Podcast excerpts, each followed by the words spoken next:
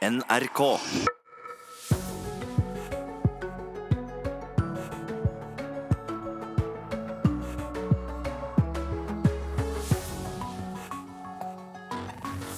God morgen. Da har Nyhetsmorgen stått opp, og her er saker vi skal snakke om mer om den neste timen. Tesla-kjøpere har råd til å betale engangsavgift, det mener Høyre. Populisme. Svaret Venstre. Begynn med juleforberedelsene allerede nå. Neste års julegaver, kjøp dem under januarsalget, anbefaler forbrukerøkonom. Og Gullfesten på Lerkendal ble avlyst i går kveld da Molde skåret på overtid og slo Vålerenga 2-1. Og i Kulturnytt, Hugo Fermariello. I Kulturnytt skal det handle om TV 2. Det spenningen har handlet om en del tid nå, er hva TV 2 må gjøre for å få penger fra staten og kunne kalle seg allmennkringkaster, kommersiell allmennkringkaster. Ikke alle er enige. Og så, etter ti uker, ble Stjernekamp avgjort i helgen.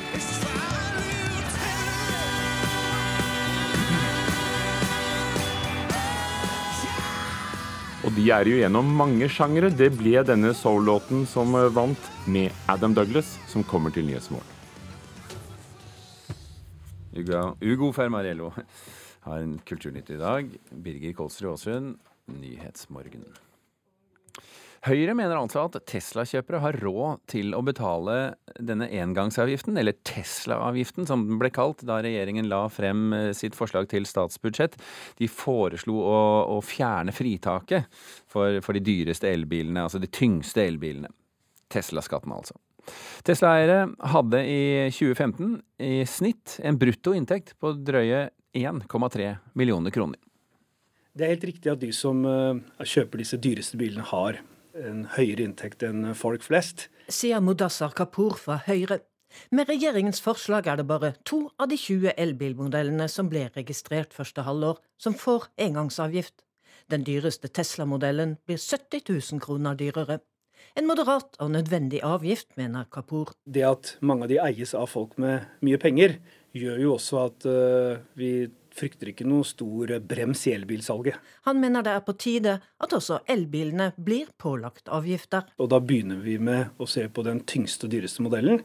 Men jeg må også minne om at uh, det er fortsatt sånn at uh, det vil være rimeligere å velge en elbil pga. alle de andre fordelene. Tesla-eiernes inntekt er det SSB som har kommet fram til ved å koble kjøretøyregisteret fra utgangen av august i år og skattetall for 2015 på oppdrag fra Høyre. Bruttoinntekt i snitt er altså på drøyt 1,3 millioner kroner. Jeg har forståing for at det er fristende å bruke det som et argument, men det en risikerer er jo at eh, det populistiske sager over den greina vi sitter på. Sier Venstres finanspolitiske talsperson Terje Breivik. Og greina han snakker om er bidrag til utslippskutt i transportsektoren. For Det er ikke tvil om at uh, den uh, avgiftsøkningen som nå kommer på de tyngste elbilene, fort kan få konsekvenser for de bilene som nå er på full fart inn i markedet, ikke minst på varebil, yrkestransport-sida. KrF jobber nå med sitt alternative budsjett, og vil ikke kommentere enkeltsaker i regjeringens forslag. Forhandlingene mellom regjeringspartiene Venstre og KrF om neste års statsbudsjett er rett rundt hjørnet. Tesla-skatten er én av snubletrådene, ikke minst fordi Venstre og KrF mener engangsavgift på elbiler er avtalebrudd. Derfor så vil vi gå inn i forhandlinger med, med å spørre om hva som er bakgrunnen for dette. Sa Ropstad den dagen statsbudsjettet ble lagt fram. Breivik mener forslaget er lite gjennomtenkt. Vi vet at nå det er svært mange bilprodusenter står på treppene med elbiler som både har lang rekkevidde og som eh, har nok plass til å være familiebiler, og sånn sett et reelt alternativ til fossilbil. Kapur fra Høyre avviser avtalebrudd og viser til statsbudsjettet for 2017. Hvor vi varslet at en slik engangsavgift eh, kunne komme, og det har den nå gjort, i en veldig moderat form. Så ikke noe avtalebrudd fra regjeringspartienes side, altså? Ikke slik jeg ser det. Og det siste spørsmålet der ble laget av Katrin Hellesnes. Hun var reporter i denne saken. Tendensen vi nordmenn har, og at vi bruker mindre penger på julegaver, den fortsetter videre. Det viser nemlig den ferske spørreundersøkelsen gjort av Respons Analyse for DNB. Og vil du være raus på gavefronten og samtidig bruke minst mulig penger, så bør du allerede nå begynne å tenke på å kjøpe inn til jul. Det mener ekspertene. Forbrukerøkonom Silje Sandmæl i DNB, velkommen til Nyhetsmorgen. Takk skal du ha. når jeg sier at man allerede nå bør begynne å, å tenke på julegavene, så er, så er vel ikke jeg særlig ambisiøs i dine øyne, Evy? du, du, burde ha begynt etter jul. Eh, det burde du i fjor. Altså januar 2017 ja, burde jeg tenkt. Ja, ikke sant. Når ja. ting var på salg. Så hvis jeg skal være lur nå, så bør jeg allerede nå begynne å tenke på julegavene 2018, er det det du sier? ja. Nei, eh, trikset er vel å faktisk fordele det utover året. Og det er bra for lommeboka, og så er det selvfølgelig bra for stressnivå, for da stresser du ikke så fælt før jul. Ja, og ikke minst sjokket man får i desember når alle utgiftene kommer. Ja. Eh, hva er det man kan eh, er det man kan oppnå ved å tenke julegaver litt mer spredt over året?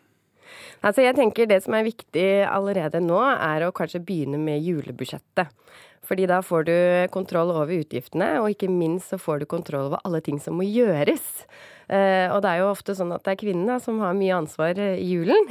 det er sånn fremdeles. det er sånn fremdeles.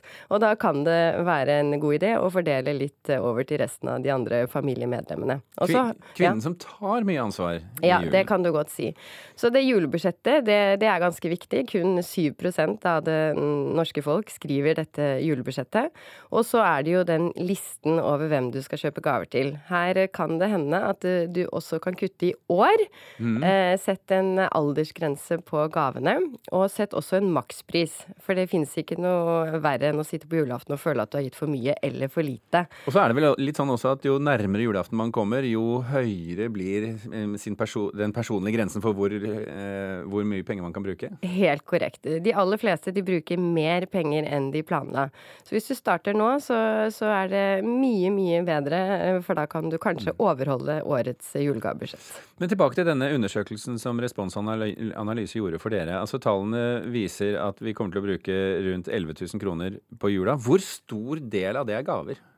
Det er over eh, halvparten eh, skal vi bruke på gaver. Og her ser vi jo at den største reduksjonen er blitt gjort. I år er det 5007 vi sier, mens i 2011 så var det 7000 kroner vi planla å bruke på, på, gaver. Så det betyr at summen vi bruker på jul er sånn noenlunde uh, like stor, men bestanddelen julegaver synker? Ja. Har du noe peiling på hvorfor? Altså, jeg tror jo mye kommer av den økonomiske veksten. Øh, og, det, da skulle man kanskje tro at juleforbruket gikk opp. Mm. Men, øh, men, det handler om at øh, mange har råd til å kjøpe ting når de trenger det, og så har de ikke den tålmodigheten til å vente til jul eller bursdag. Så da er det jo tomme gavelister, og når du spør folk hva de ønsker seg til jul, så er det ofte vet ikke. Mm. Og hva kjøper man til folk som har alt? og ikke vet noen ting? ja, enten så kutter man de fra gavelisten, eller så donerer man kanskje bort penger til veldedig formål. Det ser vi har blitt mye mer vanlig nå. Eller så gir man en opplevelse, eller så kanskje man lager noe selv for å sette et personlig preg på det. Ja. Og betyr det at du anser denne trenden for såpass sterk at den også vil fortsette i årene som kommer? Altså Når vi tenker på at det ene er jo hva folk sier, det andre er jo hva folk gjør. Ja. Men dere har undersøkt det også? ja, det har vi. Og vi ser at eh, altså, ju, eh, selve juleforbruket det går jo som regel opp fordi at eh, vi vokser i antall mennesker osv. Men de to siste årene så har faktisk volumtallene gått ned. Så det, det sier noe om at vi kanskje ikke bruker så mye penger i julen, men det betyr jo ikke da at vi koser oss desto mindre. Nei. Kjempefint, Silje Sandmæl. Takk for at du orienterte om dette. Så har vi sjans, vi er jo fremdeles i oktober tross alt, til å forberede oss godt på eh, jula. Takk for at du kom til Nyhetsmorgen. Vi skal snakke litt om hva de enkelte avisene skriver om i dag. Og la oss begynne med oss eh, menn først. Det er altså 30. Eh, oktober i dag, og det betyr at du har et par dager på deg til å bestemme deg om du skal bli en del av den såkalte Movember-bevegelsen. Movember-bevegelsen er denne opplysningsbevegelsen for å skape oppmerksomhet rundt prostatakreft. En kreftform som rammer mange norske menn. Over 5000 fikk diagnosen i fjor, og tre nordmenn dør hver dag av prostatakreft her i landet. Ifølge VG. Det er VG som skriver dette i dag. Du vil eh, selvsagt hjelpe å finne ut eh, om kreften eh, så tidlig som mulig, og det er her barteveksten kommer inn i bildet, som en måte å skape oppmerksomhet på. Du skal altså fra og med onsdag, hvis du skal være med på dette, barbere deg helt glatt. Eh, eh, og så i den neste måneden ikke barbere overleppen, men la barten du har eh, gro sakte, men sikkert frem. Og har du allerede bart, så kan du bare la den stå gjennom hele november, og så fjerner du den siste novemberdag. Og kanskje viktigere, er du mann over 50, gå til legen og sjekk deg for prostatakreft. Uvettig mobiltelefonbruk er ikke bare et problem med elever på skolene her i landet. På Løvåsen sykehjem i Fyllingsdalen, der må alle de ansatte også levere inn mobilen sin på morgenen før de går til verks med pleie av eh, beboerne. Det er det Bergensavisen som skriver i dag. Grunnen til mobilrestriksjonene er at det har kommet så mange klager på de ansatte at de er mer opptatt av mobilen sin enn de er av beboerne. Så mobilen eh, den, til de ansatte den bor på et lite hotell. De sjekker inn der på morgenen, og så får de lov til å være med på lunsjen. Og når lunsjen er ferdig, så må mobilen legge seg inn på mobilhotellet igjen til de er ferdige. Og Fedrelandsvennen de skriver at 2018 blir året da man faser inn elektriske busser i sørlandsbyene Kristiansand og Arendal. Tidligere i år hørte vi at firmaet Boreal investerte 300 millioner kroner til busselektrifiseringen. Og det er fremdeles en del løsninger som må finnes hva angår lading osv., men eh, de er i gang. De første stillegående og lokalt utslippsfrie bussene de ruller av gårde altså fra neste år. Så har jeg fått fint besøk i studio her. Det er eh, Bjørn Myklebust som er programleder for Politisk kvarter i dag. Eh, jeg håper du vet mer om hva som foregår i Politisk kvarter enn det jeg gjør, for jeg vet ingenting. Du vet ingenting. Eh, vi skal snakke om kameraovervåking i skolen. For etter flere alvorlige voldsepisoder på videregående skoler i Oslo har debatten gått er bruk av kameraer en måte å hindre dette på. Forrige uke så sikret Arbeiderpartiet flertall for å åpne for overvåking på skoler i helt spesielle tilfeller. Og Venstre kommer til å sitte og riste på hodet. Og så kommer Unge Venstres nye leder. To dager gammel. Uh, en gang til? Unge Venstre har fått seg ny leder for to dager siden. Ja, Det er ikke en to dager gammel leder? Nei, han er to dager gammel som leder. Så, ja, Det var godt å høre. Det er fort gjort å misforstå på morgenen. Bjørn Myklebust altså, Politisk kvarter om ganske nøyaktig én time om tre sekunder. Gullfesten på Lerkendal den ble avlyst i går kveld da fotballaget Molde skåret på overtid og slo Vålerenga eh, 2-1. Nå har Molde fortsatt en teoretisk mulighet til å ta eh, gullet fra Rosenborg. Og Rosenborg-trener Kåre Ingebrigtsen sier eh, Rosenborg burde ha avgjort selv. Nei, bittert. Så når kampen blir som den blir, det Vi har en haug med målsjanser. Stabæk har eh, noen målsjanser, og det er en eh, artig fotballkamp. Men den planlagte gullfesten ble avlyst i Trondheim i går. Det sørget Molde for på overtid mot Vålerenga.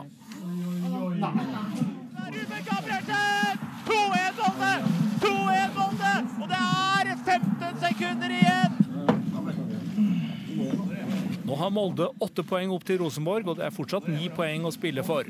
Molde-trener Ole Gunnar Solskjær glad for tre poeng i går og fortsatt spenning. Det er en, en kultur, en, ei tru som uh, er i stallen og i troppen. Og den moralen og holdninga i troppen. Det var jo det jeg snakket om før matchen, når det blir sånn at dere må vinne for å hindre Trønders gullfest. Ja. Er det noe du, du tenkte på underveis? Nei, i dag tenkte jeg ikke på det i hele tatt før jeg så den storskjermen utpå her.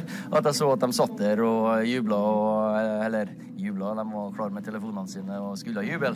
Og Rosenborgs Birger Meling innrømmer at dette var bittert. Nei, det er klart det er tungt, men uh, som sagt, vi må vinne sjøl. Det er tre kamper igjen. og vi skal nok få det til i løpet av høsten. Ja, for du frykter ikke på noe vis at dere taper gullet uansett, egentlig? Nei, da er det en eh, skam.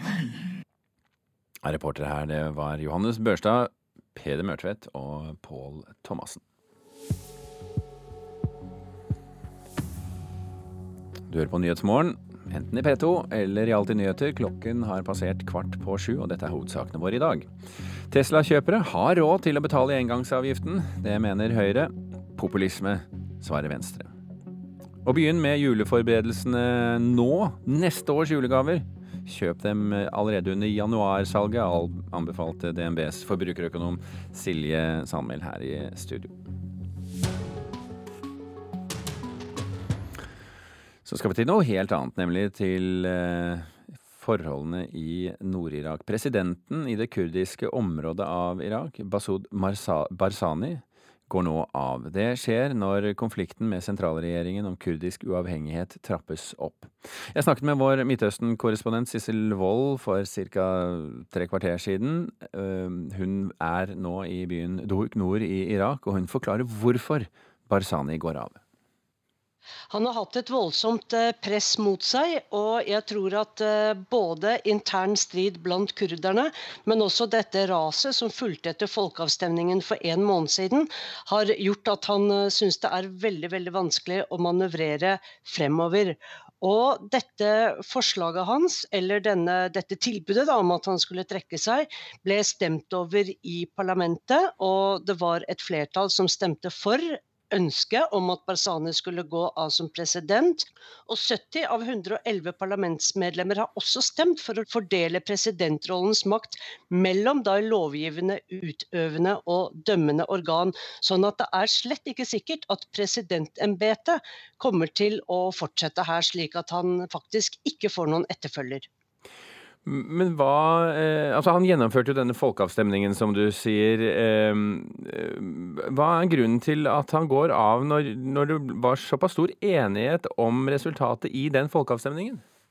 Det var jo 93% av kurderne som stemte ja til selvstendighet, til uavhengighet, til å rive seg løs fra resten av Irak. Men det som skjedde etterpå, har jo satt kurderne langt tilbake. De har mistet masse land. Eh, de har mistet alle vennene, syns de. Barzani har sagt senere at han er veldig bitter, særlig på USA, som jo har støttet krudernes kurdernes kamp eh, mot IS. Kurdernes peshmerga-styrker har jo kjempet kampen mot IS veldig mye på vegne av det internasjonale samfunnet. Og nå føler Barzani, som han sier, at persmerga-styrkene bare har blitt brukt som en leie her på vegne av alle. Så får man altså ikke noe støtte når man går til denne folkeavstemningen. Så han er veldig bitter. Og i tillegg så er jo faktisk kurderne uenige med seg selv. Så det er en utrolig dårlig stemning her. Og nå for vanlige kurdere å miste president Barzani som sin leder, er jo også et slag. fordi Barzani kan jo kanskje sammenlignes sammenlignes litt med Yasir Arafat. Han er den kurderen som er mest berømt ute i verden. Han er på en måte symbolet på kurdernes eh, ønske om selvstendighet.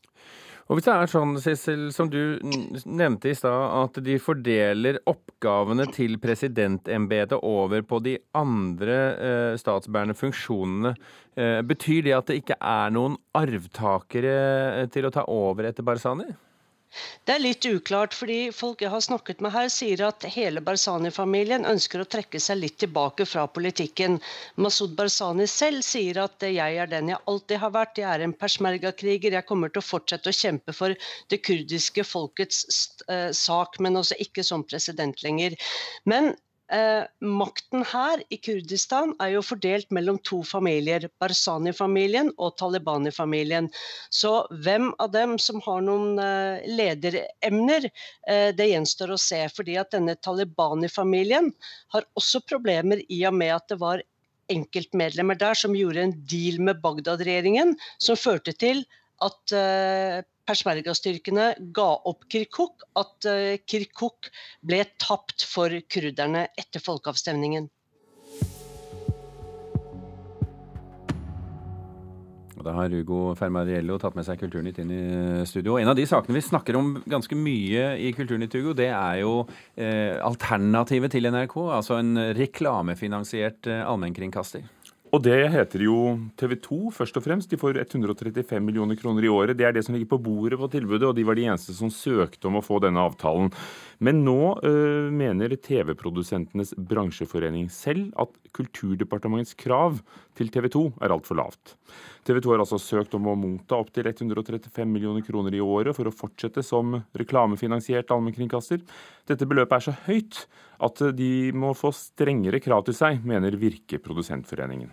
Den avtalen som staten og TV 2 nå skal inngå, det er jo en avtale om at staten skal gi 135 millioner kroner til TV 2.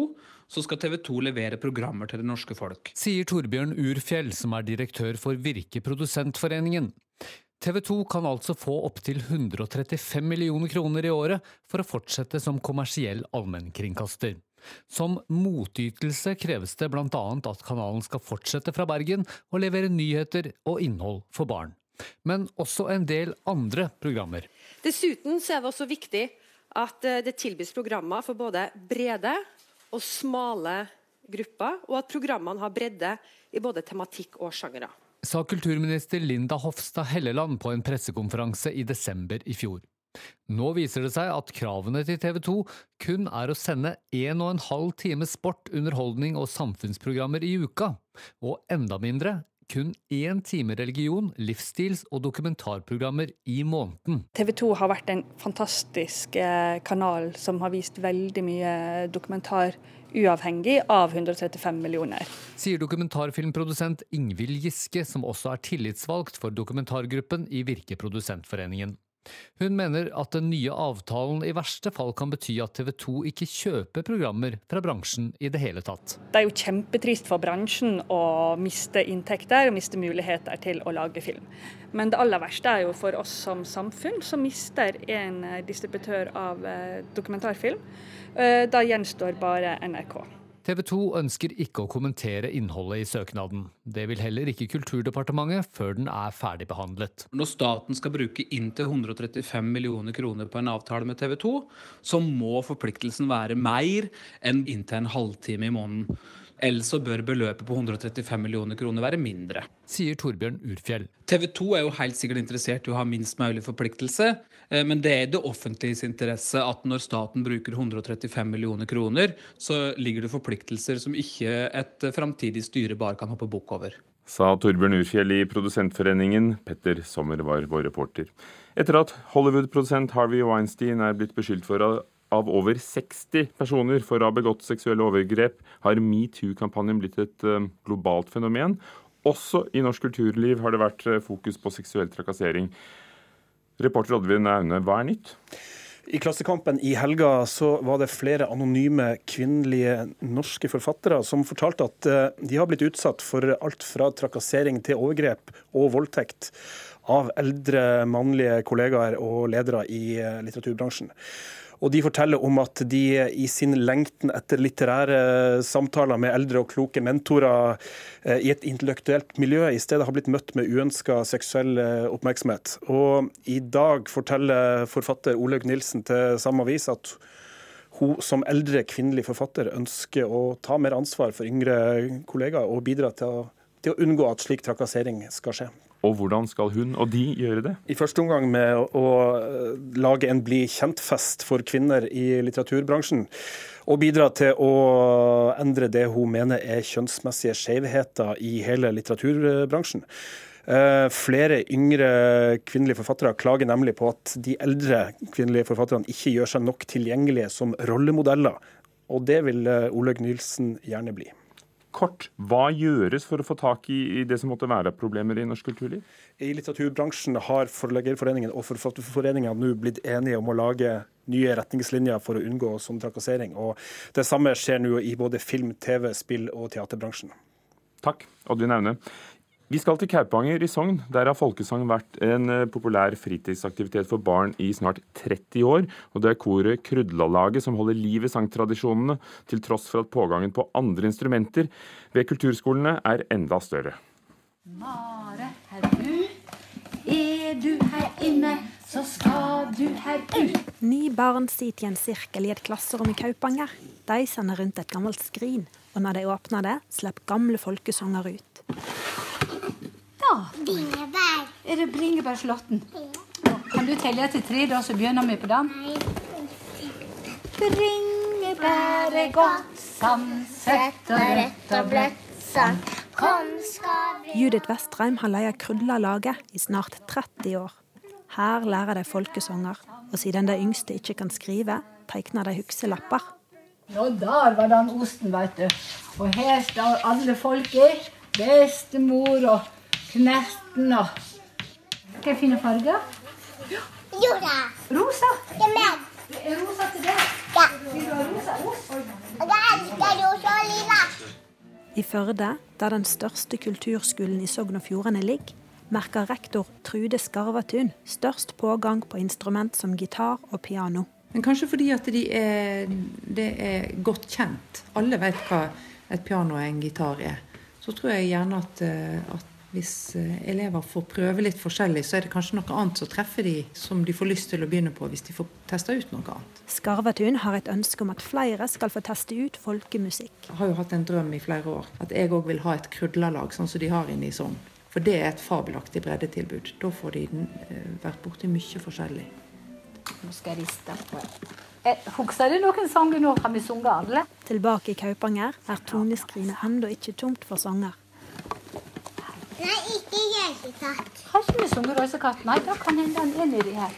Bare nestrista litt voldsomt, da. Så der kom røysekatten. Da må de ta i alt de kan. Én, to, tre. Røysekatt, røysekatt, hvor liker du det? Røysekatt, røysekatt Altså, de som går i krullelaget, det er jo små, men det er jo en slags grunnutdanning i musikk, da. For du får jo både lære å lytte, og du får uh, rytme. Og så får du evne til å fortelle videre. Artister som Eva Wehl Skram og Tone Damli er bare noen av de som begynner karrieren i Krødlalaget. Det er jo stadig vekk nye elever, men eh, nå er det òg blitt noen som fortsatt som er, som er blitt folkesangere og blitt sangere og artister. Så vi har jo noe vi kan trekke inn og feire i lag med. da. Jeg er liten, jeg, men jeg våger meg Judith Vestreim fortsetter med å formidle kulturarven til nye generasjoner. Så eh, jeg tenker at eh, det vesle som ligger av den store kulturarven i den pakken som jeg jobber med over mange år, den har jeg i hvert fall fått noen føtter å gå på.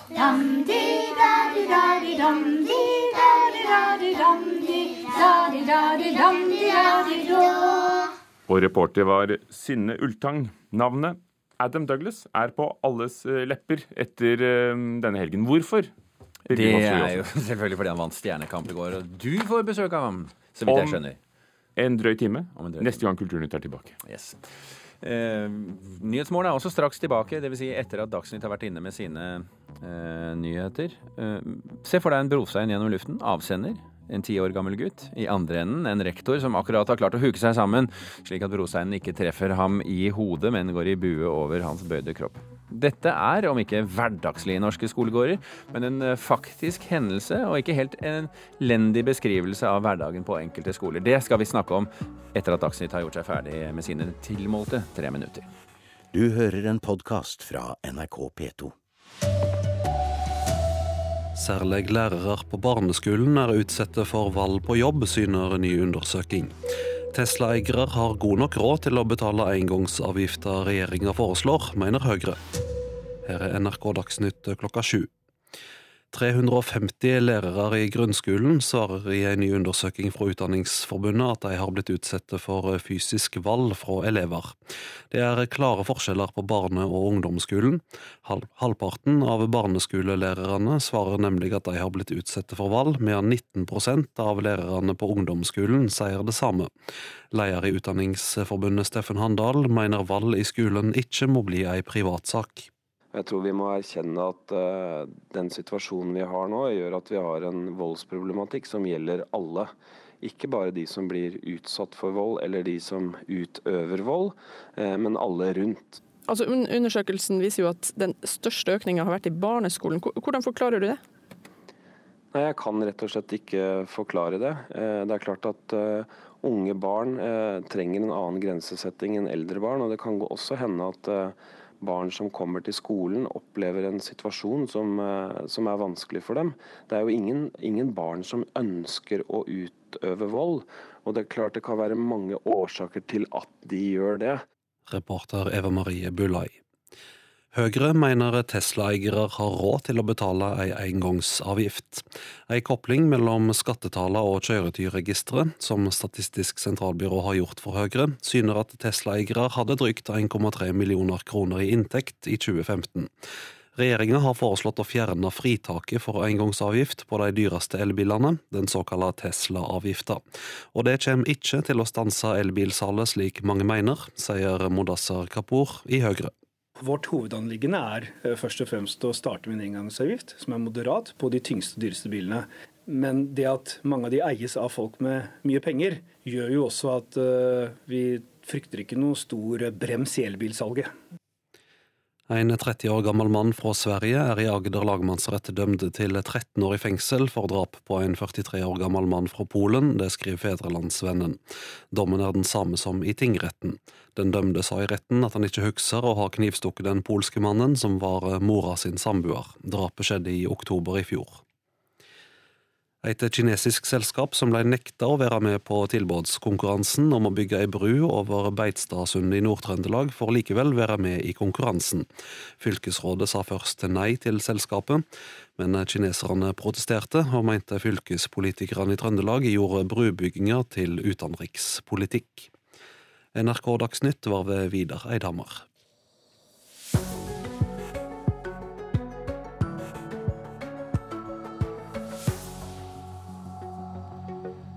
Særlig lærere på barneskolen er utsatt for vold på jobb. Det viser en ny undersøkelse. Rektor på Gjesdal ungdomsskole i Rogaland, Trond Niemi, kommer hit til Nyhetsmorgen for å snakke om planene de har satt i verk mot vold. Senterpartiet krever at omorganiseringen av Statistisk sentralbyrå stoppes. Og mens lageret av usolgt sauekjøtt vokser, så får bøndene betalt ned mot fem øre kiloen.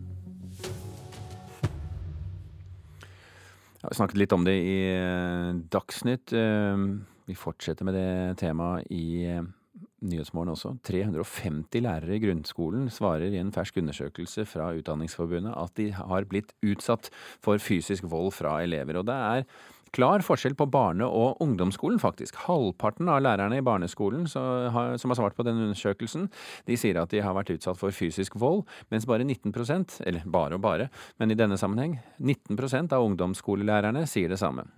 Rektor Stein Roar Jacobsen i Narvik opplevde at en tiåring angrep ham.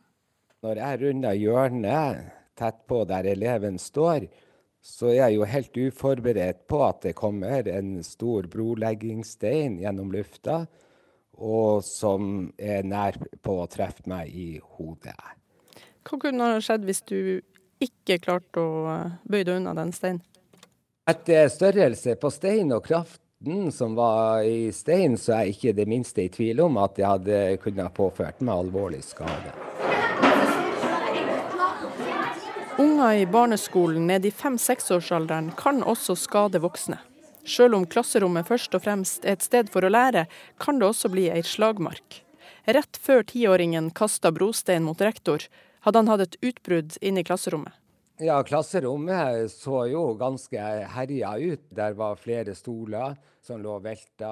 Det var pult som lå velta, det var bøker på gulvet. Jeg har lyst til å understreke at ingen barn vil være voldelige. Når et barn slår eller spytter, så er det egentlig et uttrykk for en mangel på impulskontroll.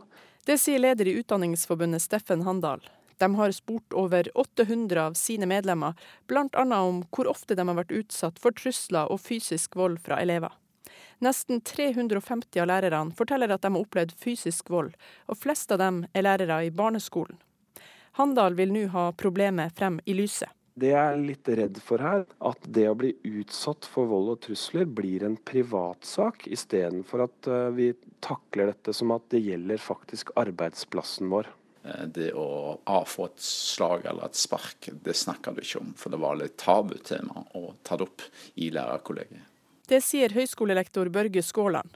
Da han jobba som spesiallærer for rundt 20 år siden, trodde han slag og spark var en del av jobben. Men da han etter hvert skjønte at det ikke var det, begynte han å forske på hva som egentlig skjer med læreren. Det å få et slag mot tinningen, eh, det å få et spark i ribbeina, eh, det ga ganske store psykiske eh, utslag i forhold til tap av profesjonell og personlig sikkerhet. Det at verden var en trygg, god plass å være, og at skolen var en, en god plass å, å arbeide. Og for at klasserommet skal være et trygt sted å jobbe, vil Handal at alle skal vite hva de skal gjøre hvis en lærer utsettes for vold eller trusler. På samme måte som ansatte drilles i hva man skal gjøre hvis det f.eks. begynner å brenne. Det er nødvendig at eh, man har et forsvarlig arbeidsmiljø, og arbeidsgiver har hovedansvaret for det. Og Vi ser gang på gang at det er eh, manglende rutiner, både når voldsutøvelse skjer, men også at man ikke har på sett og vis forberedt seg på det. At man har øvd på hva man skal gjøre. Reporter her, det var Eva Marie Bulai. Trond Niemi, rektor på Gjesdal ungdomsskole i Rogaland. Velkommen til Nyhetsmorgen. Eh, takk skal du ha. Ja, dere har altså 400 elever omtrent, 60 ansatte. Hva har dere gjort for å være bedre rustet når lærerne blir utsatt for vold og trusler? Eh, for det første så, vi, så, oppfordrer vi alle våre ansatte til å eh, melde avviksmeldinger når dette skjer. For som det ble sagt i, i innslaget før, dette er ikke noen privatsak. Dette er noe som vi som arbeidsplass skal løse sammen. Og vi har, fall, vi har derfor eh, på plass rutiner og regler for hvordan man skal forholde seg når en elev når man kjenner at en elev er, eh, kan være eh, aggressiv eller, eller, voldelig. Men hvilke scenarioer er det dere beskriver i disse, eh, disse rutinene og planene deres? Eh, det kan f.eks. være en eh, elev som er inne på et lite rom, et grupperom f.eks. Eh, da bør eh, den voksne, eller de voksne, helst så bør det være to, eh, sammen inne sammen med den eleven. De bør da tenke etter hvor de står i rommet. Ikke minst at adgang til, til dør bør være åpen. Eh, en bør tenke på hva slags gjenstander som er der inne, at det ikke ligger sakser, eh, spisse blyanter osv. Men betyr dette, det, det, Da snakker du om en elev som man vet har lav impulskontroll ikke sant? og er kanskje litt aggressiv? Ja, det gjør jeg. Mm. Um, dere har altså 400 elever på skolen omtrent, og 14 miljøterapeuter. Hvorfor har dere 14 miljøterapeuter? Eh, det er fordi at vi ser at i skolen i dag, med et stadig økende antall elever som har en psykisk helse hvor man trenger støtte og hjelp, så er det uvurderlig å ha et personale med kompetanse som vet hva man skal se etter, som er skolert til å jobbe planmessig i forhold til eh, elevens grunnleggende basale behov. Men Betyr det da at dere har vekslet inn lærerstillingene for å få flere miljøterapeuter? Eh, I noen grad har vi gjort det. Vi har elever med spesielle behov, hvor det følger eh, personalet med. Men i noen grad så har vi vekslet inn lærerstillinger for å kunne ha flere med bakgrunn som f.eks. vernepleier, barnevernspedagoger eller førskolelærere. Bør skolen ansette, synes du det på generelt grunnlag med den erfaringen dere har, bør skolen ansette flere med en annen bakgrunn enn lærerutdanning? Eh, ja, det syns vi. Eh, vår, vår, erfaring er at Eh, vi trenger en annen kompetanse inn i skolen for å takle de, den problematikken som vi snakker om her. Er det et godt tegn? Eh, det kan du si er et, altså det er et tegn på, på, en utvikling som vi ser. Men det er også en konsekvens av at vi ønsker alle elever inn i skolen. Og så, så sier vi at det finnes ikke vanskelige elever, men det er elever som har det vanskelig. Og de skal bli møtt på en skikkelig måte. Og da trenger vi eh, personale som har kompetanse til å møte dem. Men betyr det, Niemi, at, eh, at dette går eh, utover læringskvaliteten til elevene? Eh, nei, tvert imot. Eh, når man får eh, komme tidlig inn, når man får møtt elevens basale behov, Eh, når man får skapt forutsigbarhet og trygghet, trygge rammer rundt eleven, så kommer eleven raskere i læringsmodus og kan ut, eh, eh, ta til seg læringen på en bedre måte. Så paradoksalt nok da, altså, så er det slik at i, i ditt tilfelle færre lærere, forutsatt at de erstattes med, med f.eks. miljøpedagoger, det leder til bedre læring? Eh, ja, det er vår erfaring. Og Samtidig så vil jeg jo si at vi vil ikke ha færre lærere i skolen. Vi vil ha flere, selvfølgelig. Men, men vi, trenger, vi, trenger, ulike typer profesjoner. Det er mitt poeng. Trond Jemi, eh, rektor på Gjesdal ungdomsskole i Rogaland. Takk for at du var med oss i eh, Nyhetsmorgen. Jo, takk.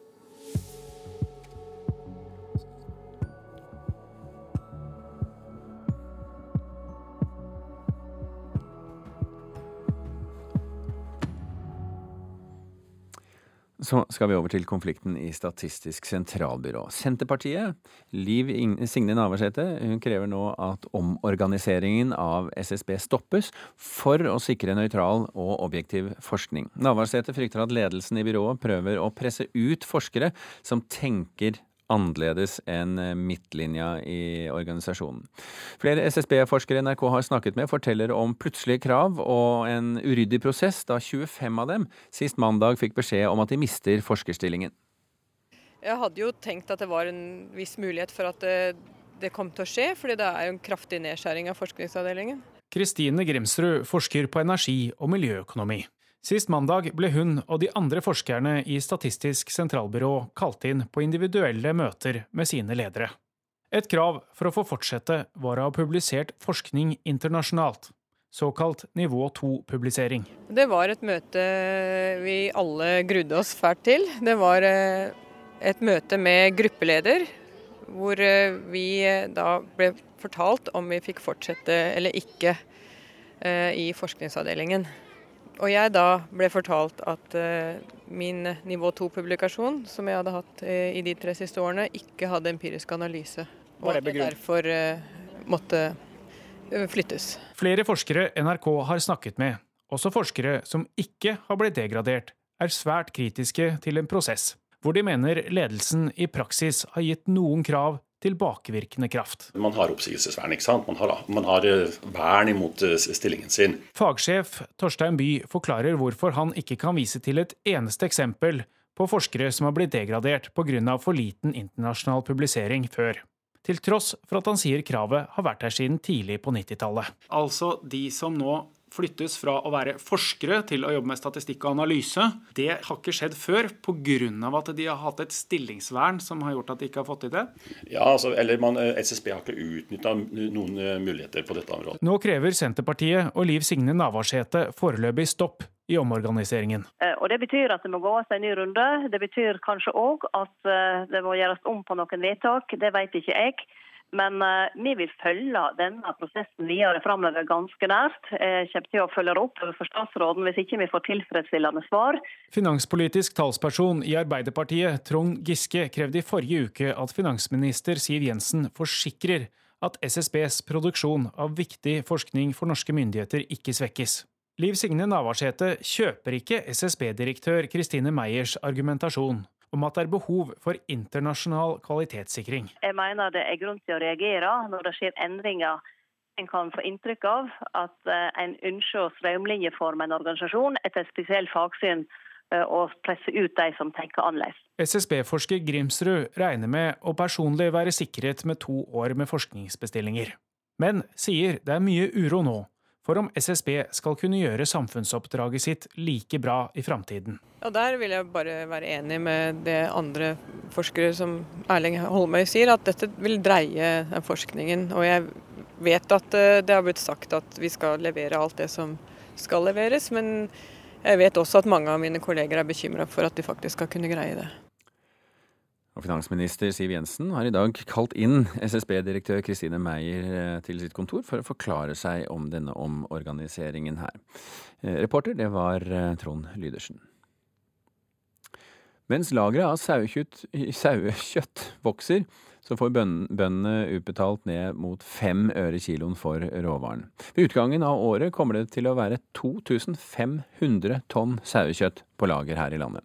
Eivind Fonn, fabrikksjef ved Nortura-slakteriet i Førde, forteller at mye av kjøttet blir sendt direkte til lagring på ubestemt tid. Vi får jo signal og ser nå det at uh, vi skjærer ned mindre av det vi slakter, fordi at vi ikke klarer å selge det ferskt direkte. Hvor lenge kjøttet blir liggende på fryselager og hvor det til slutt blir av, er usikkert. Tidligere i år ble 120 tonn sauekjøtt solgt til dumpingpris til Afghanistan. Ytterligere 280 tonn ble eksportert ut av landet til svært lave priser.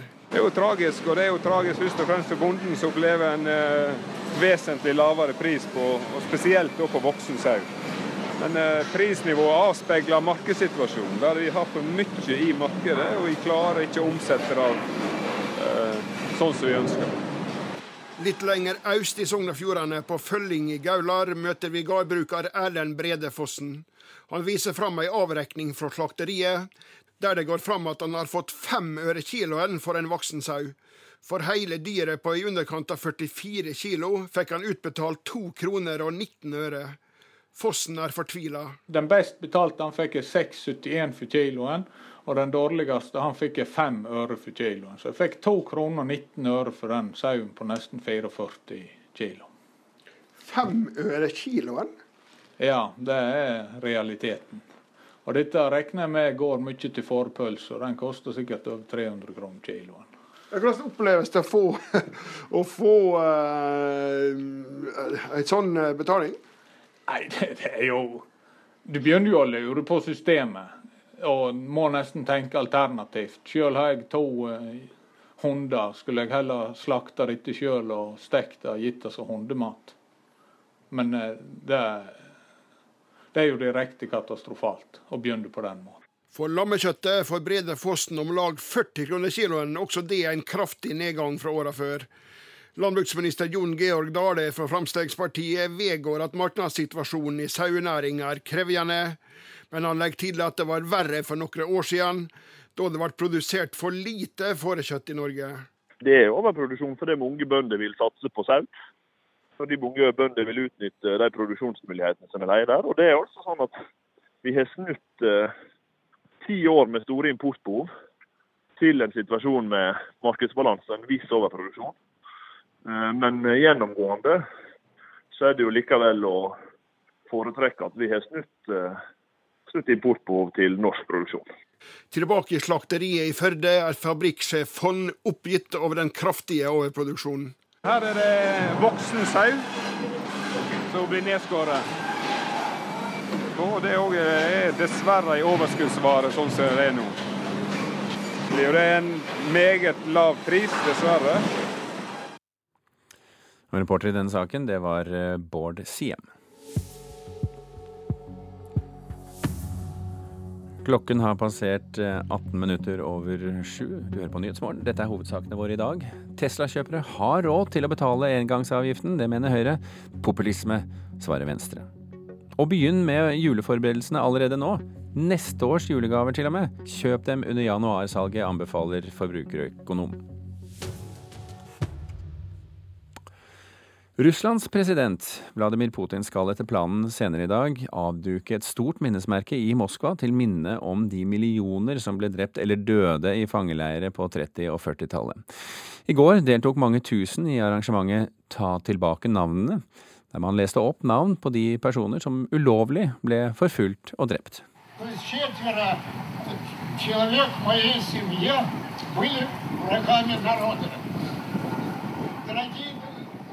Ja, dette er stemmen til 88 år gamle Georgij Filipov og korrespondent Morten Jentoft i Moskva. Du møtte ham under arrangementet i Moskva i går, så vidt jeg forstår. Hva slags historie er det han forteller?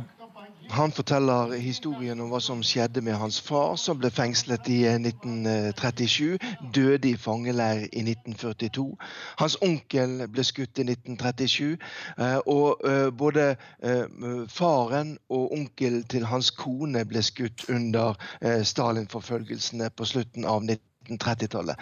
Så det var en sterk historie som eh, Grigori Filipov fortalte meg. Og han sa også at eh, han hadde kommet ens ærend til eh, Moskva da, for å være med på dette arrangementet, slik at den unge, oppvoksende generasjonen i Russland også skulle få vite om det som hadde skjedd. Men det er også nordmenn på denne listen, så, så vidt jeg forstår? Ja da, eh, det var en god del av eh, de norskættede fra dette eh, samfunnet av colanordmenn på Fiskerhalvøyen, Kolakysten, som også ble drept.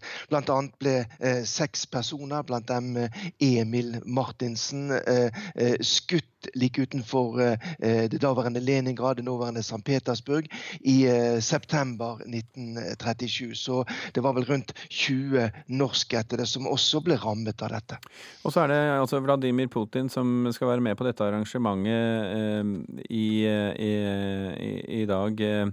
Hva er det konkret som skal skje, Morten? Ja, Det som skal skje i dag, det er at det nå eh, for første gang skal åpnes, avdukes, et stort minnesmerke. Eh, Stena eh, Skorbi, veggen av sorg, som skal åpnes ikke midt i sentrum, men like utenfor sentrum ved den såkalte Hageringen i dag. Og dette er det første, utrolig nok, da, store minnesmerket til minne om de millioner da, som ble eh, drept, satt i fangeleir under forfølgelsene på 30- og 40-tallet området. Det har vært mye snakk om at selvfølgelig bør man i den russiske hovedstaden ha et slikt minnesmerke. Dette ble det snakket om allerede under den sovjetiske partisjefen Nikita Khrusjtsjov. Men først altså eh, i dag, eh, 80 år etter at eh, Stalin-forfølgelsene var på sitt høyeste høsten 1937, så skal da dette minnesmerket åpnes. og Der eh, skal etter planen den russiske presidenten Vladimir Putin være til stede. Patriarken Kiril skal også også være til stede der. Det er noen som snakker om dette som eh, Putins start på presidentvalgkampen, men er dette en, er dette en god sak for Putin? Putin har uh, tidligere sagt at uh, Russland må innrømme, ta inn over seg det som skjedde på 1930- og 40-tallet. Det gjorde han eh, senest også for, for, for, ti år siden, selv om han selv jo eh, har sin bakgrunn fra det hemmelige politiet eh, KGB. Så Putin ønsker nok å framstå som en mann som på en måte bygger broer i det russiske samfunnet mellom dem som prøver å fornekte det som skjedde, og de som selv da var rammet av Stalin-forfølgelsene. Derfor så er det mange som mener at dette arrangementet i dag det er en god anledning for Putin sin eh, til å vise seg som mannen som skaper forsoning i det russiske samfunnet. Den eneste som mm. kan forene eh, russerne. Og at dette derfor kan være en start på presidentvalgkampen, der det er snakk om at Vladimir Putin ønsker å stille opp som representant for en brei folkebevegelse. Og meningsmålinger viser jo at han har støtte fra 70-80% av russerne. Morten, tusen takk for at du orienterte om eh, minnesmerket og navnene i Russland. Vi har fått sporten i studio. Det skal handle om fotball. Ruben Gabrielsen! 2-1 Molde! 2-1 Molde! Og det er 15 sekunder igjen av uh, tilleggstida! Beklager Rosenborg!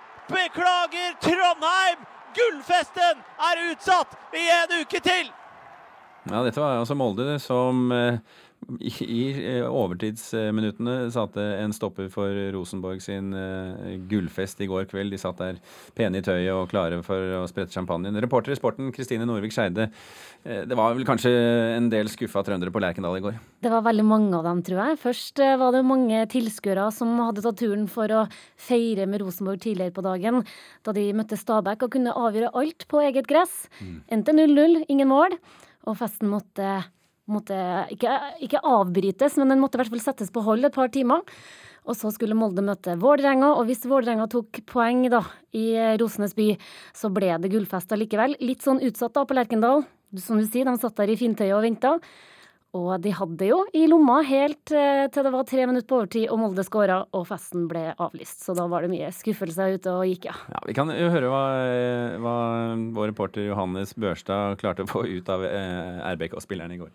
Når det målet kommer tre minutter på overtid, det er bittert. Ja, Det er klart det er tungt, men uh, vi må vinne sjøl, og det er tre kamper igjen. og vi skal nok få det til i løpet av høsten. Nei, Molde skårer på overtid, som de har gjort en del, del kamper det siste. Det er bra jobba. Det var planlagt en fest i kveld. Det blir vel ikke det nå, regner jeg med? Nei, det blir det ikke. Nå blir det å komme seg i seng, og så har vi ny kamp allerede på torsdag, så det er mye å glede seg til. Ja, De kan uh, avgjøre det på torsdag, men de kan også tape uh, seriegullet, Kristine? Ja, det er en teoretisk mulighet for at uh, Molde fortsatt kan ta seriegullet.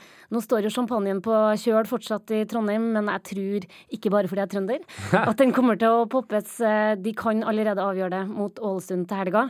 Så Rosenborg uh, de har fortsatt mange sjanser. Ja. Og tre runder igjen, så jeg har trua på trøndersk gull. Ålesund de må vel vinne, skal de unngå å, å rykke ned? I hvert fall én av de tre kampene, kanskje to. Ja, det er helt riktig, så det, det kan jo fortsatt bli spenning, da. Vi får se. Kristine Norvik Skeide, takk for at du orienterte om sports, eh, fotballrunden i går. Vi skal snakke om eh, slim her i Nyhetsmorgen nå. Altså hjemmelaget slim, for det er en eh, ting som har tatt av helt eh, blant barn i Norge nå. Eh, likevel Optikerne de advarer nå mot denne trenden. Barna blander altså sammen flere kjemikalier, og i verste fall så kan det gi forbrenninger eller eh, helseskader. Fluffy slim, glossy slim, glossy slim, vanlig slim, fishball slime. Jiggly. Maria Bjørkheim og venninnene ramser opp ulike typer slim man kan lage hjemme. Å lage hjemmelaget slim har de siste månedene blitt veldig populært blant barn det er bare veldig gøy, og så kan du drive med det med vennen din og sånn. Fordi alle har et. Hjemmelaget slim ble det store samtaleemnet på skolen etter å ha oppdaget slimet på sosiale medier. Nå lager barn det hjemme etter ulike oppskrifter som de finner på nett. Vi bruker lim, barberskum, skumsåpe og maling eller eh, konditorfarge, renu linsevann og GIF for at det ikke skal bli så kliste. Blandingen av ulike husholdningsprodukter bekymrer Norsk Optikerforbund. Generalsekretær i forbundet, Hans Torvald Haugo, går nå ut og advarer mot den slimmete trenden. Vi vet jo egentlig ikke hva som skjer når barn blander mange forskjellige typer kjemiske komponenter sammen.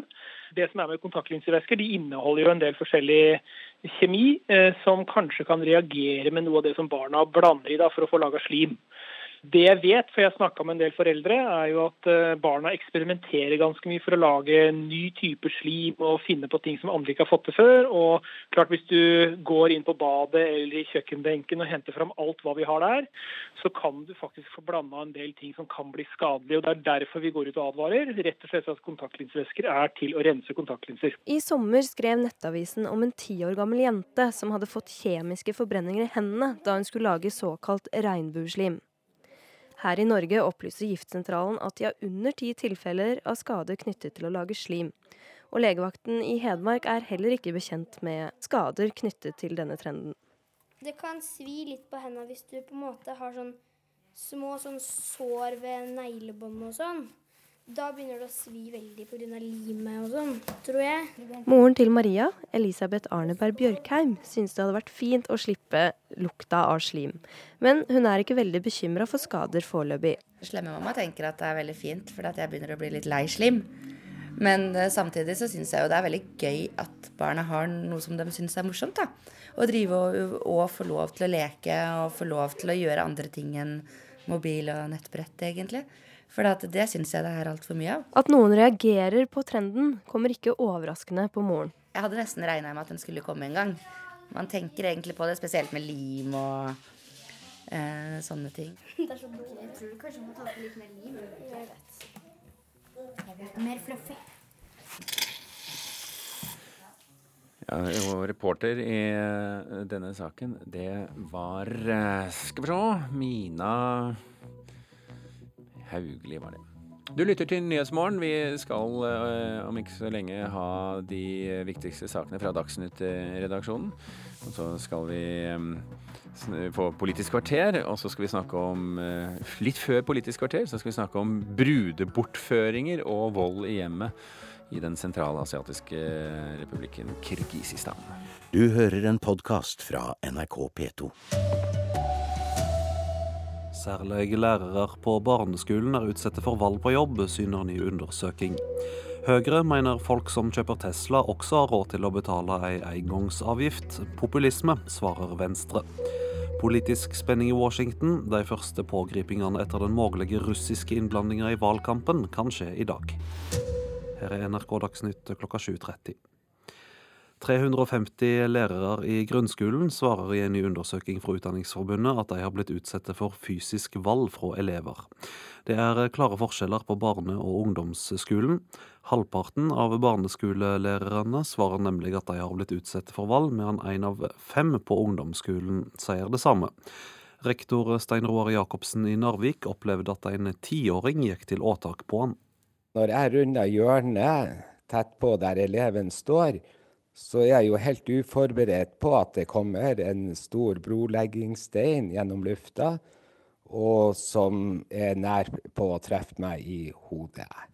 Det gikk bra den gangen, men det er eksempler på lærere som blir uføretrygda og slutter i jobben etter voldsepisoder. Nå har Utdanningsforbundet spurt over 800 av sine medlemmer om bl.a. vold og trusler, og 350 av dem svarer at de har blitt utsatt for fysisk vold. Ja, jeg er redd for at uh, det å bli utsatt for vold og trusler blir en privatsak i altfor mange tilfeller. Vi er nødt til å forstå at dette handler om arbeidsplassen vår. Det sier leder Steffen Handal. Han etterlyser bedre oppfølging av lærere som blir ramma. Vi ser gang på gang at det er eh, manglende rutiner, både når voldsutøvelse skjer, men også at man ikke har på sett og vis forberedt seg på det. At man har øvd på hva man skal gjøre. Det å få et slag mot tinningen, eh, det å få et spark i ribbeina, eh, det ga ganske store psykiske utslag i forhold til tap av profesjonell og personlig sikkerhet. Det at verden var en trygg, god plass å være, og at skolen var en en god eh, plass å, å arbeide. Det sier høyskolelektor Børge Skåland, som har forska på hvordan lærere reagerer etter episoder med vold eller trusler. Vi spurte Jacobsen i Narvik om han fikk noe oppfølging etter brosteinen som sneia han. Nei, ikke annen oppfølging enn det vi snakka om som kollegaer. Reporter Eva Marie Bulai. Høyre mener folk som kjøper Tesla også har råd til å betale ei avgift. Det skapte reaksjoner da regjeringa foreslo å fjerne fritaket for engangsavgiftene på de dyreste elbilene, den såkalte Tesla-skatten. Tesla-eiere hadde i 2015 en snittinntekt på drygt 1,3 millioner kroner. Det er helt riktig at de som eh, kjøper disse dyreste bilene, har en høyere inntekt enn folk flest. Sier Mudassar Kapur fra Høyre. Med regjeringens forslag er det bare to av de 20 elbilmodellene som ble registrert første halvår, som får engangsavgift. Den dyreste Tesla-modellen blir 70 000 kroner dyrere. En moderat og nødvendig avgift, mener Kapur. Det at mange av de eies av folk med mye penger, gjør jo også at uh, vi frykter ikke noe stor brems i elbilsalget. Han mener det er på tide at også elbilene blir pålagt avgifter. Og da begynner vi med å se på den tyngste og dyreste modellen. Men jeg må også minne om at uh, det er fortsatt sånn at uh, det vil være rimeligere å velge en elbil pga. alle de andre fordelene. Tesla-eiernes inntekt er det SSB som har kommet fram til ved å koble årets kjøretøyregister og skattetall fra 2015 på oppdrag fra Høyre. Terje Breivik fra Venstre sier han skjønner det kan være fristende å bruke høy inntekt som argument i avgiftsdebatten. Men eh, det en risikerer, er jo at eh, det populistiske sager over den greina vi sitter på. Og den greina er å bidra til utslippskutt i transportsektoren. Så Det er ikke tvil om at uh, den uh, avgiftsøkningen som nå kommer på de tyngste elbilene, fort kan få konsekvenser for de bilene som nå er på full fart inn i markedet, ikke minst på varebil, yrkestransport-sida. Eh, Reporter Katrin Hellesnes. Det er knytta stor spenning til hva som skjer i Washington i USA i dag. Flere medium har i helga meldt at de første arrestasjonene i samband med etterforskinga av den mulige russiske innblandinga i valgkampen kan komme i dag. We, we have no relationship. This is an absurd attempt by the Clinton campaign to try and get the, the focus off of what the real issue is. Paul Manafort var Donald Trumps kampanjesjef sommeren 2016 og benektet at han eller Trump-kampanjen hadde noe forhold til russiske myndigheter. Manafort er imidlertid den heteste kandidaten i spekulasjonene om hvem som kan bli siktet og eventuelt varetektsfengslet i dag eller en av de nærmeste dagene i etterforskningen av Russlands innblanding i valgkampen. Det er kilder nær den føderale storjuryen spesialetterforsker Robert Müller har oppnevnt, som opplyser til CNN at de har godkjent de første siktelsene. Manafort har vært under etterforskning lenge både for hvitvasking av penger og for sine russiske forbindelser. Lock her up, lock her up. Bur henne inne, ropte president Trumps tidligere sikkerhetsrådgiver Michael Flynn på republikanernes landsmøte i fjor. Også han har Müller etterforsket en stund. Det er feberhet stemning her i Washington når russlandsetterforskningen i dag altså kan gå inn i en ny fase. I flere Twitter-meldinger skriver president Trump at han føler seg utsatt for et komplott, og at det er demokratene som bør beskyldes for å ha samarbeidet med russere. Flere av hans støttespillere mener lekkasjene fra storjuryen til medier som CNN viser at etterforskningen har en politisk slagside. Tove Bjørgaas, Washington. Senterpartiet og Liv Signe Navarsete krever at omorganiseringa av Statistisk sentralbyrå blir stoppa for å sikre nøytral forsking. Navarsete frykter at ledelsen i byrået prøver å presse ut forskere som tenker annerledes. Flere forskere NRK har snakka med, forteller om plutselige krav og en uryddig prosess, da 25 av de forrige måned fikk beskjed om at de mister forskerstillinga. Jeg hadde jo tenkt at det var en viss mulighet for at det kom til å skje, fordi det er jo en kraftig nedskjæring av forskningsavdelingen. Katrine Grimsrud forsker på energi- og miljøøkonomi. Sist mandag ble hun og de andre forskerne i Statistisk sentralbyrå kalt inn på individuelle møter med sine ledere. Hvor eh, vi eh, da ble fortalt om vi fikk fortsette eller ikke eh, i forskningsavdelingen. Flere forskere NRK har snakket med, også forskere som ikke har blitt degradert, er svært kritiske til en prosess hvor de mener ledelsen i praksis har gitt noen krav tilbakevirkende kraft. Nå krever Senterpartiet og Liv Signe Navarsete foreløpig stopp i omorganiseringen. Eh, og Det betyr at det må gås en ny runde. Det betyr kanskje òg at eh, det må gjøres om på noen vedtak. Det vet ikke jeg. Men uh, vi vil følge denne prosessen videre framover ganske nært. Jeg kommer til å følge opp overfor statsråden hvis ikke vi får tilfredsstillende svar. Fagdirektør Torstein By sier at SSB kommer til å bli bedre etter omorganiseringen. Det skal fortsatt være betydelig forskningsaktivitet i SSB. Det skal være analysekapasitet, og det skal være statistikkutvikling. Og Vi ønsker en bedre integrering av dette, sånn at vi kan svare opp bedre på samfunnsoppdraget eh, i framtiden. Og finansminister Siv Jensen har i dag kalla inn SSB-direktør Kristine Meyer for å få ei forklaring på omorganiseringa. Reporter var Trond Lydersen. Flere av bussrutene i Bergen har fått fritak fra påbudet om setebelte. Lene Fjelsbø nekta å sende dattera si på tur med barnehagen i en buss uten belter, og hun får støtte fra Trygg Trafikk. Lene Fjelsbø fester datteren sin i det bakovervendte bilsetet. Alenemoren fra Bjørge i Bergen er svært opptatt av sikkerhet i bil, og derfor ble hun både bekymret og opprørt da hun fikk vite at datteren på fire skulle ut på busstur med barnehagen. Det som jeg ble informert om i barnehagen, det er at de skal ta bybussen til Åsane. Og den bussen har ikke setebelter. Bussene på denne og enkelte andre sentrumslinjer er nemlig unntatt fra kravet om sikkerhetsbelter i setene, bl.a. for å sikre en effektiv kollektivtransport i bykjernen. Men jeg har ikke forståelse for at en barnehage velger denne transportmåten. Selv om noe er lov, så er det ikke nødvendigvis klokt. Fylkesleder Knut Olav Nestås i Trygg Trafikk deler Lene Fjelsbøs bekymring. I prinsippet så ser vi absolutt ingen grunn til at et barn skal sikres annerledes i eh, buss eh, enn eh, en i bil. Lene Fjelsbø har bedt Bergen kommune se nærmere på reglene for transport av barnehagebarn. Saken har nå havnet på bordet hos helsevernenheten og leder Sonja Skåtheim. Det er viktig generelt, eh, fordi at eh, barnehagebarn eh, ønsker jo å, å reise rundt omkring og oppleve ting. Så Derfor er det viktig at de også blir fraktet sikkert. Skulle kommunen ende opp med å skjerpe retningslinjene i tråd med anbefalingene fra Trygg Trafikk, vil det kunne få konsekvenser både for kollektivtransporten og for barnehager over hele landet.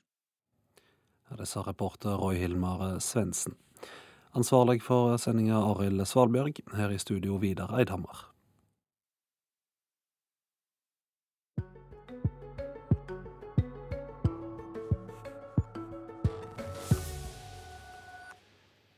Og her i Nyhetsmorgen så nærmer vi oss programposten Politisk kvarter, der programleder Bjørn Myklebust skal snakke med vettuge politikere om det er lurt å sette opp overvåkingskameraer på norske skoler for å motvirke vold og uro.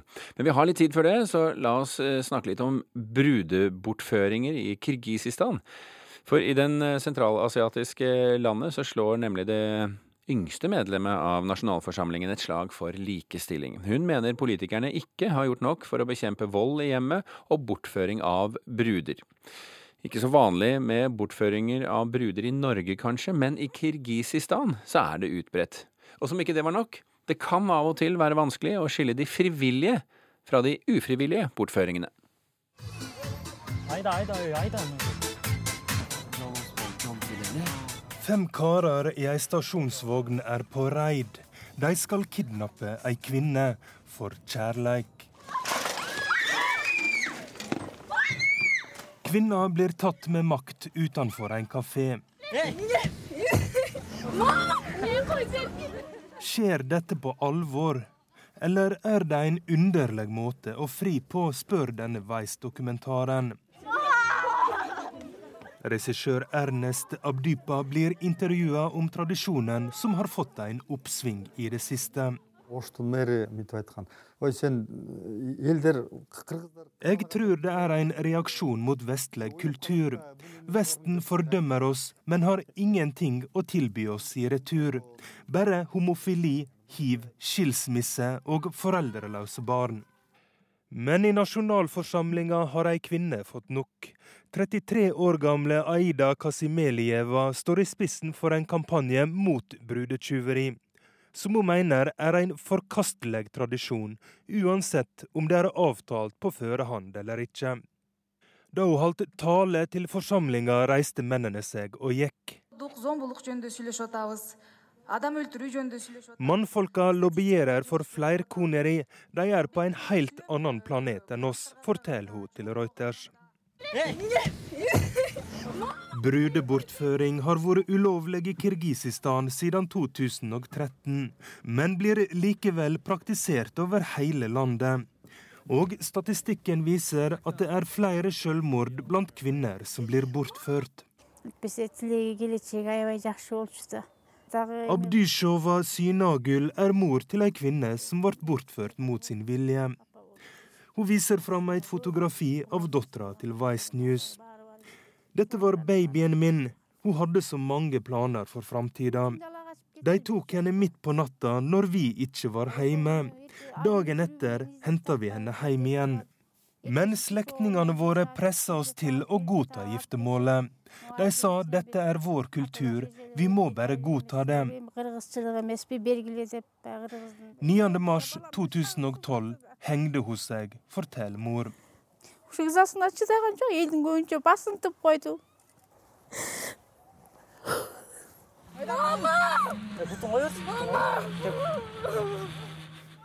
Tilbake hjå kidnappingsgjengen høres det dramatisk ut. Men brura er faktisk forelska i brudgommen, får Weissnews vite. En onkel forklarer at hvis ikke ei kvinne blir tatt med makt, kan hun virke litt billig og desperat. Så det hele var avtalt spill. Mor til brura blir spurt om også hun ble bortført i si tid. Ja, det ble jeg. Jeg var 25 år gammel, så det var vel på tide.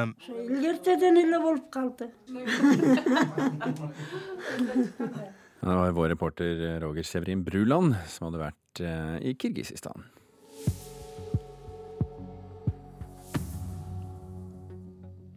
Snart Politisk kvarter her i Nyhetsmorgen, men la oss først eh, ta med de viktigste sakene våre her i dag. Særlig lærere på barneskolen er utsatt for vold på jobb, det viser en ny undersøkelse. Høyre mener at folk som eh, kjøper Tesla også har råd til å betale en engangsavgift. Populisme, svarer Venstre. Og så er det politisk spenning i Washington nå. De første pågripelsene etter den russiske innblandingen i valgkampen kan skje allerede i dag. Men Politisk kvarter skal vi ha nå. Bjørn Myklebust sitter klar i studio.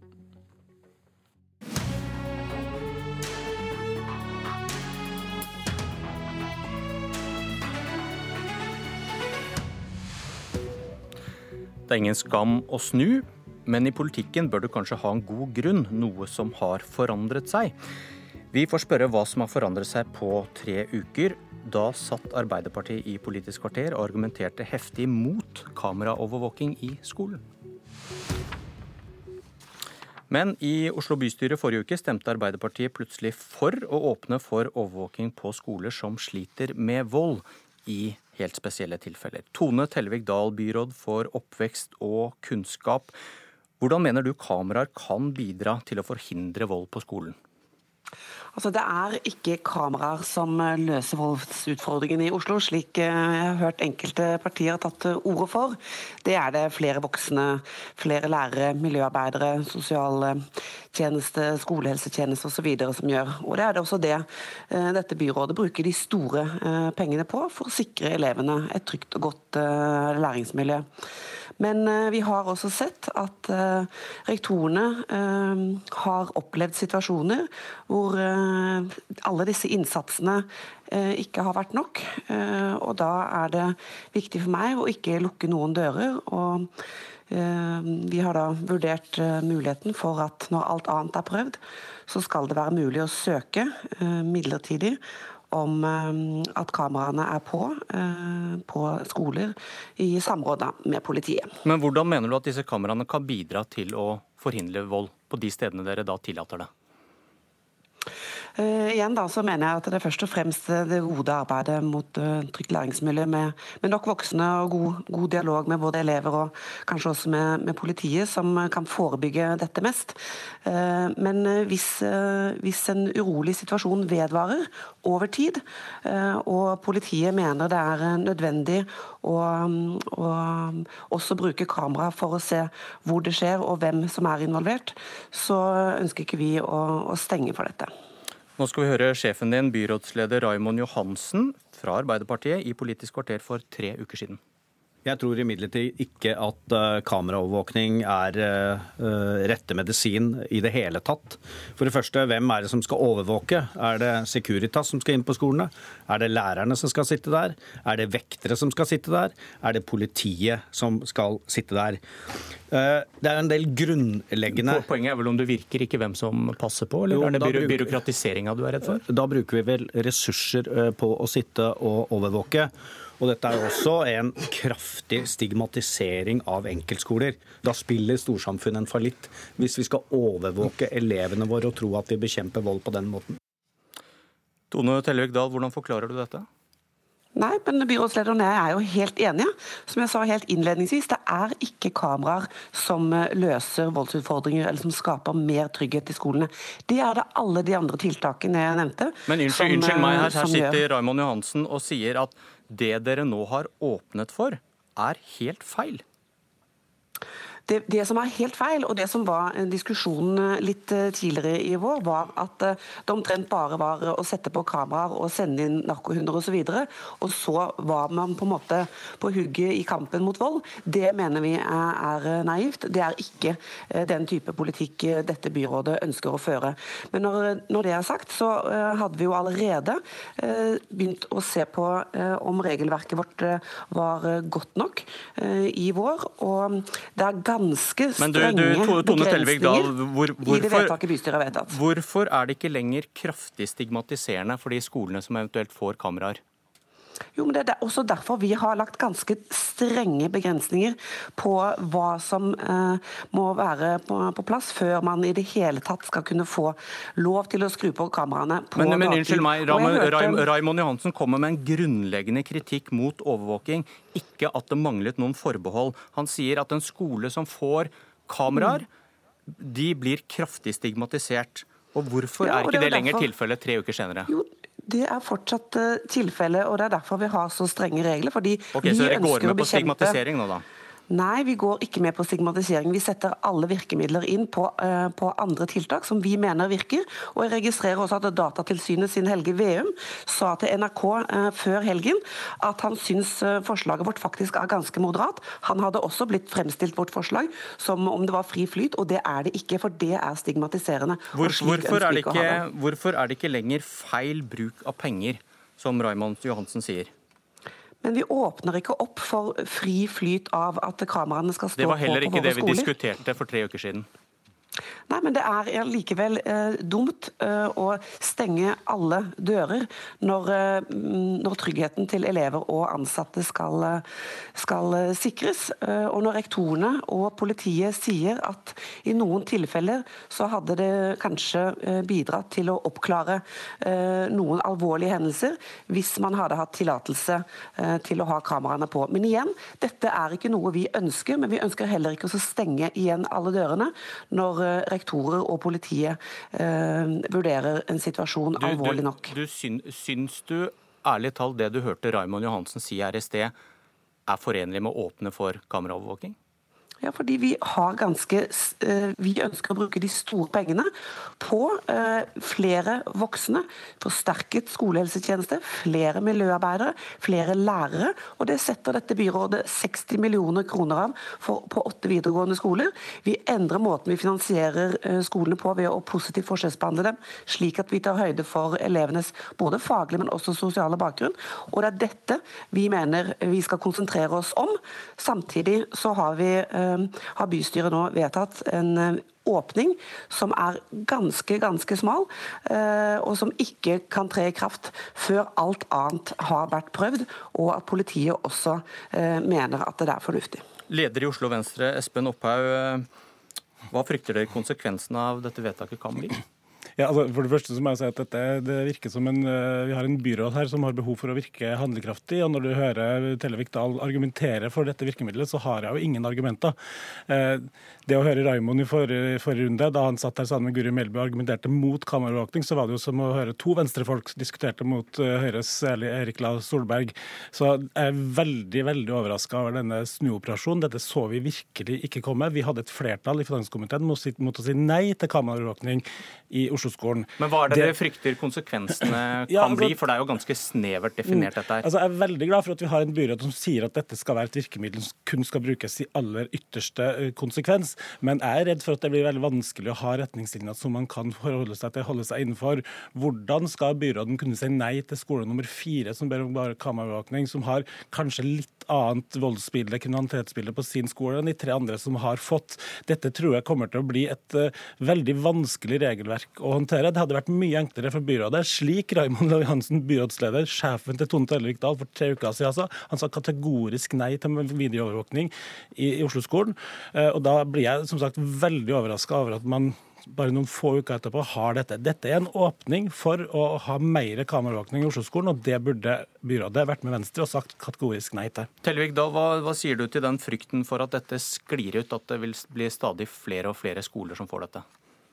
Nei, Jeg er veldig opptatt av at eh, både eh, det regelverket vi allerede har i dag, skal etterfølges. Det var også derfor eh, byrådet gjorde en kartlegging i vår, for å sjekke at de skolene som hadde fått tillatelse til å bruke kamera, fulgte regelverket. Da, da avdekket vi faktisk nei. Og da avdekket vi at noen skoler ikke fulgte dagens reglement. Det kan jeg ikke akseptere. Man må følge de strenge retningslinjene man har. På samme måte så vil vi jo være like på alerten hvis vi i det hele tatt kommer i en situasjon hvor eh, kamera kan være på, på en del eh, fellesområder på skolen, mens elevene er til stede på, på skolen. Det er like viktig da som nå at eh, det strenge regelverket følges. Og det er ganske strengt i dag, og det regner jeg også med at representanten fra Venstre er enig i. Veldig glad for at, også, at byråden sier at det skal håndheves strengt, men problemet er jo at man her tar i bruk et virkemiddel som har eh, De fleste undersøkelser viser at det har ingen påviselig effekt. Har du dokumentasjon på det? Eh, Nei, men det finnes eh, ganske Du mange sa nettopp at du hadde det. Ja, Du nevnte bl.a. en forsker i, for, i forrige Politisk kvarter, der, der Raymond Hansen og Guri, Guri Melby var til stede. Men det gjaldt som- ting som skjedde i affekt, og så peker Lars Solberg på, Ja, og kanskje teller på at dette er ja. Planlagte Ja, men altså, eh, den, voldshendelser. den, den planlagte voldshendelsen den flytter seg ut fra kameraets uh, vinkel. Det vet vi, og det har vi sett fra mange steder i verden, at, at uh, kamera, kameraovervåkning har ingen effekt på den ting som foregår i affekt, og den effekten det har på eh, planlagt vold, det er at den bare flytter seg. Så dette er et virkemiddel, et veldig over, inngripende virkemiddel, som jeg mener, hvis man faktisk skal gjøre slik denne byrådet har gjort tatt til for nå, så burde de ha lagt fram ganske massiv dokumentasjon, dokumentasjon på at dette virker. Det har de ikke. Men jeg vil dette- spørre deg opp her, hvis, hvis det skulle vise seg at volden forsvinner fra skole med kameraovervåking, som nå får det Mm. i Oslo-skolen, er du villig til å endre syn da? Ja, altså, Jeg er veldig skeptisk til kameraåpning sjøl, og grunnen til det Så selv om, selv om man stanser volden, så Ja, setter du altså- personvernet foran Ja, men nå, nå, nå sier du selv om Jeg har ikke lest noen undersøkelser som viser at dette faktisk har en effekt på kriminalitetsbildet. Altså, vi, Men nå får, vi, nå får vi kanskje vite det, da. Jo, men- Er du da villig til å snu, eller setter du personvern foran det å stanse Altså, vold? Jeg mener at man skal alltid eh, ha Man skal diskutere inn, hva slags inngrep et eh, virkemiddel har før man tar det i bruk. Jeg mener at kameraovervåkning i skolegården er et altfor sterkt virkemiddel ut fra den kunnskapen vi har om hva det faktisk kan bidra til å forhindre. Men med, ny, men med ny kunnskap, er du villig til å se på det på nytt, eller er personvern viktigere vi- uansett? Vi, må alltid være med på å se om det finnes, eh, finnes eh, grenseverdier som vi har trådt over, som gjør at man kan være med på det. Men vi mener at dette er et altfor inngripende virkemiddel i skolegårdene i Oslo på en effekt som er ganske påviselig veldig liten. Vi mener at dette handler om retten til privatliv, og i dag er vi overvåka fra vugge til grav, og det er, handler rett og slett om hva slags samfunn vi vil ha. vi Tellevik Dahl, ha. har du en kort sluttreplikk til eh, det med personvern? Jeg håper at eh, også Espen Opphaug eh, er enig med meg i at eh, elevenes trygghet og lærernes trygghet på, på skolen er det aller, aller viktigste. og at vi sammen kan kjempe for alle de tiltakene som, som byrådet nå har satt i gang. Jeg håper Venstre også slutter seg til de forslagene vi har lagt fram i budsjettet, hvor vi legger inn 60 millioner kroner til det jeg mener virker forebyggende mot vold. Det er flere voksne med høy kompetanse. Og vi skal følge med på utviklinga av, av. Takk, begge to.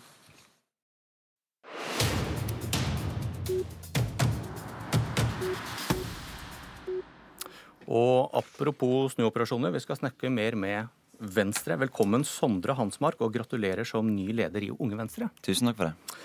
Eh, Du skal klare det din forgjenger Tord Hustveit ikke klarte, dytte Venstre inn i regjering? Ja, vi får håpe at det, det blir slutten på denne prosessen som vi er i nå. Eh, men det er klart at det er veldig avhengig av hva vi får til i de sonderingene og hva vi får til i de forhandlingene. Nå sitter jo partiledelsen i sonderinger med regjeringspartiene eh, og skal finne ut om det er grunnlag for videre samarbeid der. Det får jo tiden vise. Jeg har full tillit til de som sitter og forhandler på vegne av Venstre og Unge Venstre. Jeg vet at de prioriterer våre gjennomslag aller høyest. Eh, men så er det jo tross alt viktig, at, uh, viktig å understreke at uh, det å være i en regjering, det å delta i en regjering, det, er, det har en verdi i seg sjøl. Det er noe vi ønsker å, å, være med på. Det gir større gjennomslag. Det er fint å sitte ved kongens bord. Og hvis de politiske gjennomslagene skulle tilsi det, så håper jeg at vi ender opp der.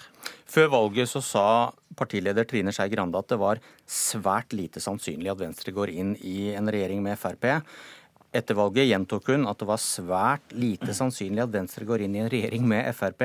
Og hva tenker du, da må det vel svært usannsynlig store gjennomslag til før man kan gjøre det? Men når ja, du har lagt lista der? Det kan godt hende at det er svært usannsynlig. Eh, for Frp er nødt til å tape en del saker som er viktige for de dersom vi skal sitte i regjering med Frp. Og Hva kan det være? Fordi Å få verna Lofoten, å få dratt klimapolitikk, innvandring og integrering litt i Venstres retning, det kunne man kanskje sett for seg eh, på forhånd, så det må jo være noe mer enn det? da, eller? Hva kan du tenke deg? Det er klart at Vi er jo enige om veldig mye av politikken fra før av. Vi er enige om f.eks. gründerpolitikken, vi er enige om mye av skolepolitikken, og så har vi et par områder hvor vi er ekstra uenige, som innvandringspolitikk og klimapolitikk. Men hva tenker du, hvor mye må til for at dette svært lite sannsynlig skal bli til at dere kan faktisk begrunne det, og at det ikke ser ut som denne snuoperasjonen jeg innledet med? da? Jeg skal ikke peke på ett spesielt tiltak vi skal få til, men det handler om helheten i politikken. Og det er klart at det er viktig for oss at vi skal redusere klimagassutslippene at vi skal ta vare på barn som er på flukt, f.eks. Og at vi skal få til en skikkelig rusreform i denne stortingsperioden. Men jeg vil ikke gå inn på konkrete tiltak. Det viktigste er at vi reduserer klimagassutslipp, at vi får gjennomslag for å ta vare på de svakeste menneskene i samfunnet vårt. Tusen takk, Sondre Hansmark. Vi inviterer deg garantert tilbake, og gratulerer igjen som eh, leder av Unge Venstre. Tusen takk. Dette var Politisk kvarter. Jeg heter Bjørn Myklebust. Du har hørt en podkast fra NRK P2.